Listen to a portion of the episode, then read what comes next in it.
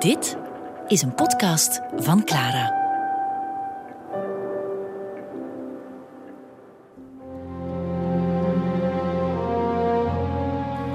...11 november. Het is vijf over twee. In het bos van Compiègne breekt het historische moment aan. Er zijn nog 8 uur en 55 minuten tegen het overschrijden van de deadline die Foch drie dagen geleden had opgelegd. Duitse onderhandelaars hebben enkele uren nodig gehad om de boodschap uit Spa van hun opperbevelhebber Paul von Hindenburg te ontcijferen en samen te overleggen hoe ze de laatste gesprekken voor het ondertekenen van de wapenstilstand kunnen aanvatten. Matthias Erzberger, de Duitse hoofdonderhandelaar, laat weten aan de Fransen, aan Ferdinand Foch, dat hij klaar is om de finale gesprekken aan te vatten. Op amper 10 minuten tijd staan alle onderhandelaars terug in de historische wagon van Ferdinand Foch. Ze zetten zich rond de tafel en ze beginnen de finale gesprekken.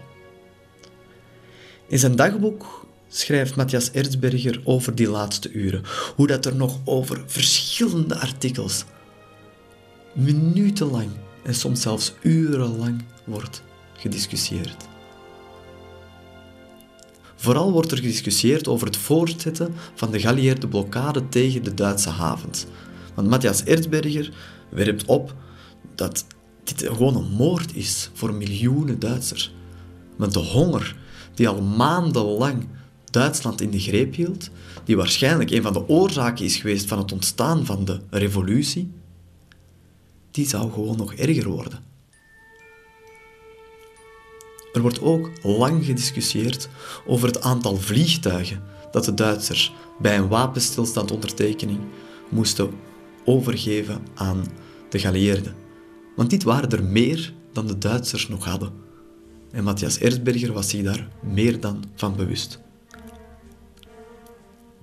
Als Matthias Erzberger opwerpt dat het eigenlijk niet fair is tegenover de Duitsers dat de blokkade van de geallieerden wordt verder gezet, dan schiet de Britse admiraal Wemyss in een soort van, ja, laten we dan zeggen, Britse colère.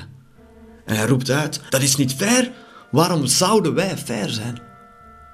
Jullie hebben onze schepen ook zonder enig onderscheid tussen burgerlijke schepen en militaire schepen tot zinken gebracht. Dus die finale gesprekken verlopen bijzonder moeizaam. Ook als gediscussieerd wordt over de bezetting van het Rijngebied. De geallieerden hadden als een van de 34 voorwaarden gesteld dat het gebied rond Keulen, het industriële hart van Duitsland, dat dat door de geallieerden zou bezet worden. Erzberger werd op. Dit is opnieuw het doodmaken van de Duitse economie en dus het veroordelen van miljoenen Duitsers tot een hongerdood. En Foch heeft daar blijkbaar gewoon koeltjes op gezet. Mijn verantwoordelijkheid eindigt aan de Rijn. De rest van Duitsland is mijn zorg niet, dat zijn jullie eigen zaken. Ik herinner u eraan dat dit een militaire wapenstilstand behelst en dat de oorlog hiermee niet eindigt. We willen enkel voorkomen dat uw natie de strijd kan verder zetten.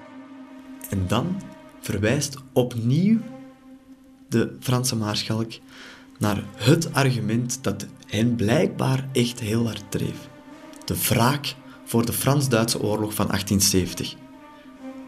Toen bijna 50 jaar geleden. Hij zei tegen Matthias Erzberger: U mag niet vergeten welk antwoord ons gegeven werd in 1871 toen wij een gelijkaardig verzoek deden. Bismarck die antwoordde toen: Krieg is krieg. En ik zeg u nu: La guerre, c'est la guerre. In en rond Gent hangt er nog steeds een heel bizarre sfeer. De Belgische militairen hebben Gent nog steeds omsingeld, maar mogen, omdat er nog gevaar is dat er gevochten zou worden tussen achterblijvende Duitsers en de Belgische militairen niet de stad binnentreden. En ondertussen is er een groot volksfeest losgebarsten in de stadsrand. Een van de Belgische militairen was Jeff Vermeijren en hij lag in Mariakerke. En samen met enkele andere Belgische soldaten hebben ze er echt gewoon genoeg van. Ze beklagen hun situatie, ze willen gewoon naar het centrum van Gent en daar als helden ontvangen worden. En ze geven vooral enorm veel kritiek op de plannen van hun grote generaal. De Gentse generaal, generaal Drubbel. Want die Drubbel, die een van de bevelhebbers waren van die Belgische militairen rondom Gent, die wilde vooral niet dat Gent gebombardeerd zou worden. Die wilde niet dat in Gent nog slachtoffers vielen. En dat was volgens chef niet per se uit bezorgdheid voor de Gentenaars, maar hij wilde aan het hoofd van de troepen als Gentse generaal zijn Gent betreden. En zo zie je dat in de laatste oorlogsuren er vooral gedacht werd over hoe kom ik over na dat elfde uur.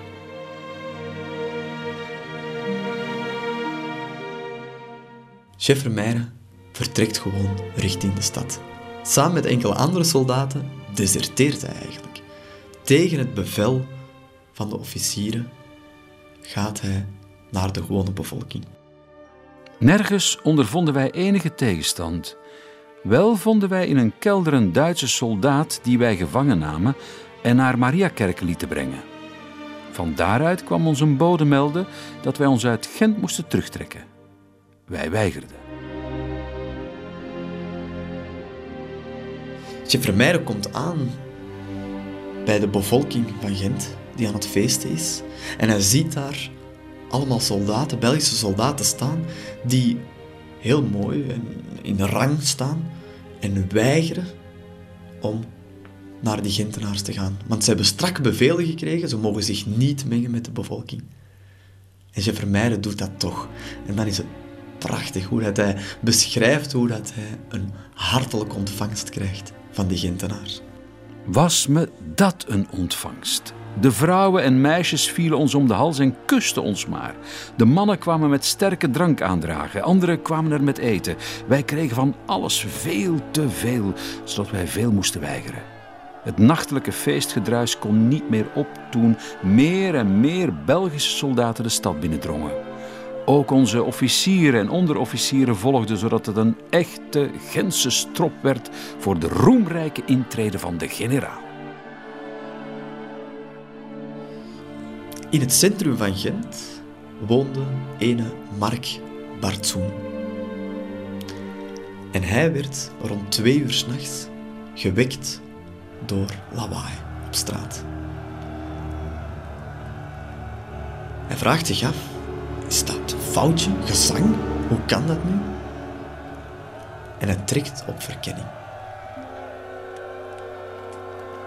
Van straat naar straat ontdekt hij meer en meer feestende mensen. Mensen steken lichten aan en ze zijn aan het vieren en aan het dansen. En als een echte journalist gaat hij op weg op zoek naar mooie verhalen.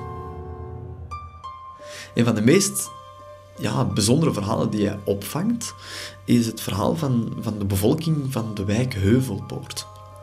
Blijkbaar was er rond kwart over twee ene Richard de Broe.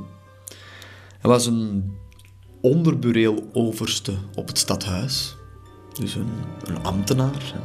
En die had ontdekt dat in zijn eigen straat, de Zwijnaardse Steenweg, dat daar geen Duitsers mee waren. En daar waren tot de avond daarvoor stonden daar Duitse mitrailleurs en, en kanonnen. Dus, dus, hij wist dat er echt iets gaande was. Hè. En hij beseft, ik moet iets melden. Dit is te belangrijk.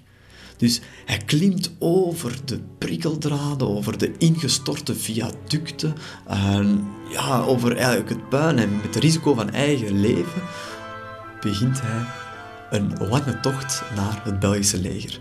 En daar geeft hij de cruciale informatie dat de Duitsers zijn vertrokken. En hij nodigt de Belgische officieren uit om tot in Gent te trekken. Maar die Belgische officieren, die weigeren. Want die hebben van hogerhand nog altijd het bevel dat ze Gent niet mogen innemen.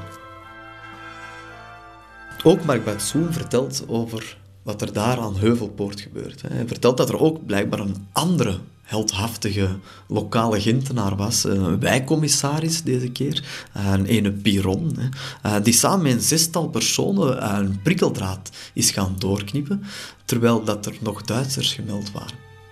En ja, deze personen werden waarschijnlijk de dagen na de 11 november als een soort van helden van het volk uh, ontvangen. En ook Mark Bartsoen was dat niet ontgaan. Hè. Zelf in die nacht zelf is hij op zoek gegaan naar zulke verhalen. Ik hoorde een lied op het deuntje van, van de perenboom.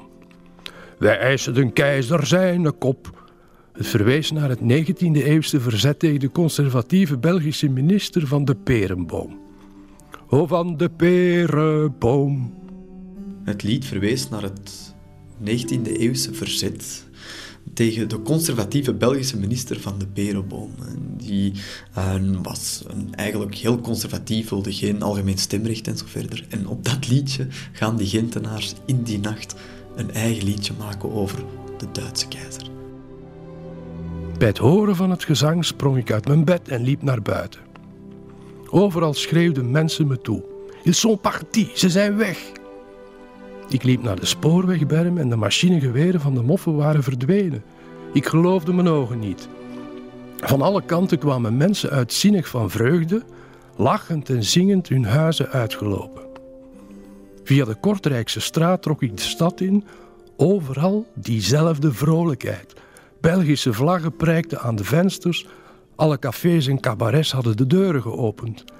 Mensen dansten en zongen op de tonen van de draaiorgels die uit hun winterslaap waren ontwaakt. Alle winkels staken hun elektrische verlichting aan en de vitrines verlichten de straten waar de uitzinnige massa samentroepte ondanks het nachtelijke uur. In de Zonnestraat leek het wel klaarlichte dag. Eén bloemenwinkel viel op tussen de andere. In de vitrine, badend in het elektrisch licht, verschenen triomfantelijk te midden van de bloemen de bustes van koning Albert en koningin Elisabeth, die we al vier jaar lang niet meer hadden mogen tonen. Op de wapenplaats werd gedanst en gezongen rond een vreugdevuur dat gestookt was van de houten planken, waarop de Duitsers hun vele verordeningen aankondigden, die ons zoveel ellende hadden berokkend. Mark toen zet zijn tocht door de Gentse rand voort en aanschouwt diezelfde Belgische troepen aan de Brugse Steenweg. Die Belgische troepen die daar braaf in rang staan, buiten enkele uitzonderingen zoals die chef Vermeijden, terwijl dat er een gigantisch vreugdefeest losbarst onder die Gentenaars. Verlichte huizen, zoveel Belgische vlaggen aan alle ramen, dat een mens zich zou afvragen hoe er na die vier jaren er nog zoveel bestonden. Men dronk, zong en danste overal. De vreugde was zo groot dat ik me begon af te vragen in welke toestand ik onze troepen zou terugvinden. Ik stelde me voor dat het gevaar bestond dat ze het hoofd verloren door de uitzinnige vreugde, of door de vele drankjes die ze wellicht van iedereen kregen aangeboden.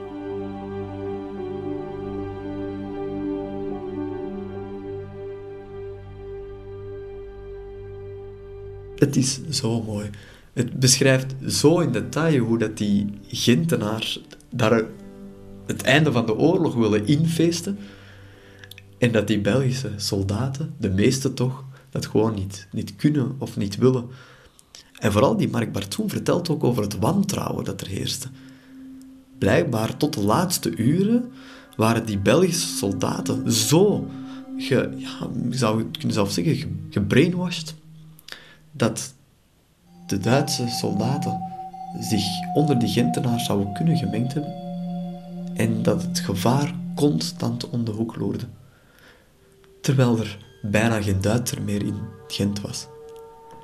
Een heel bizarre situatie. De rand van Gent staat in, in een feestend vuur en vlam. Terwijl het centrum van Gent nog altijd aan het afwachten is en niet goed weet wat ze moeten doen. En meer en meer mensen beginnen uit dat centrum te komen, net zoals die Mark Bartzoen, om aan de rand te ontdekken wat er aan de gang is. Ontdek ook onze andere podcasts via clara.be. Clara Podcast. Blijf verwonderd.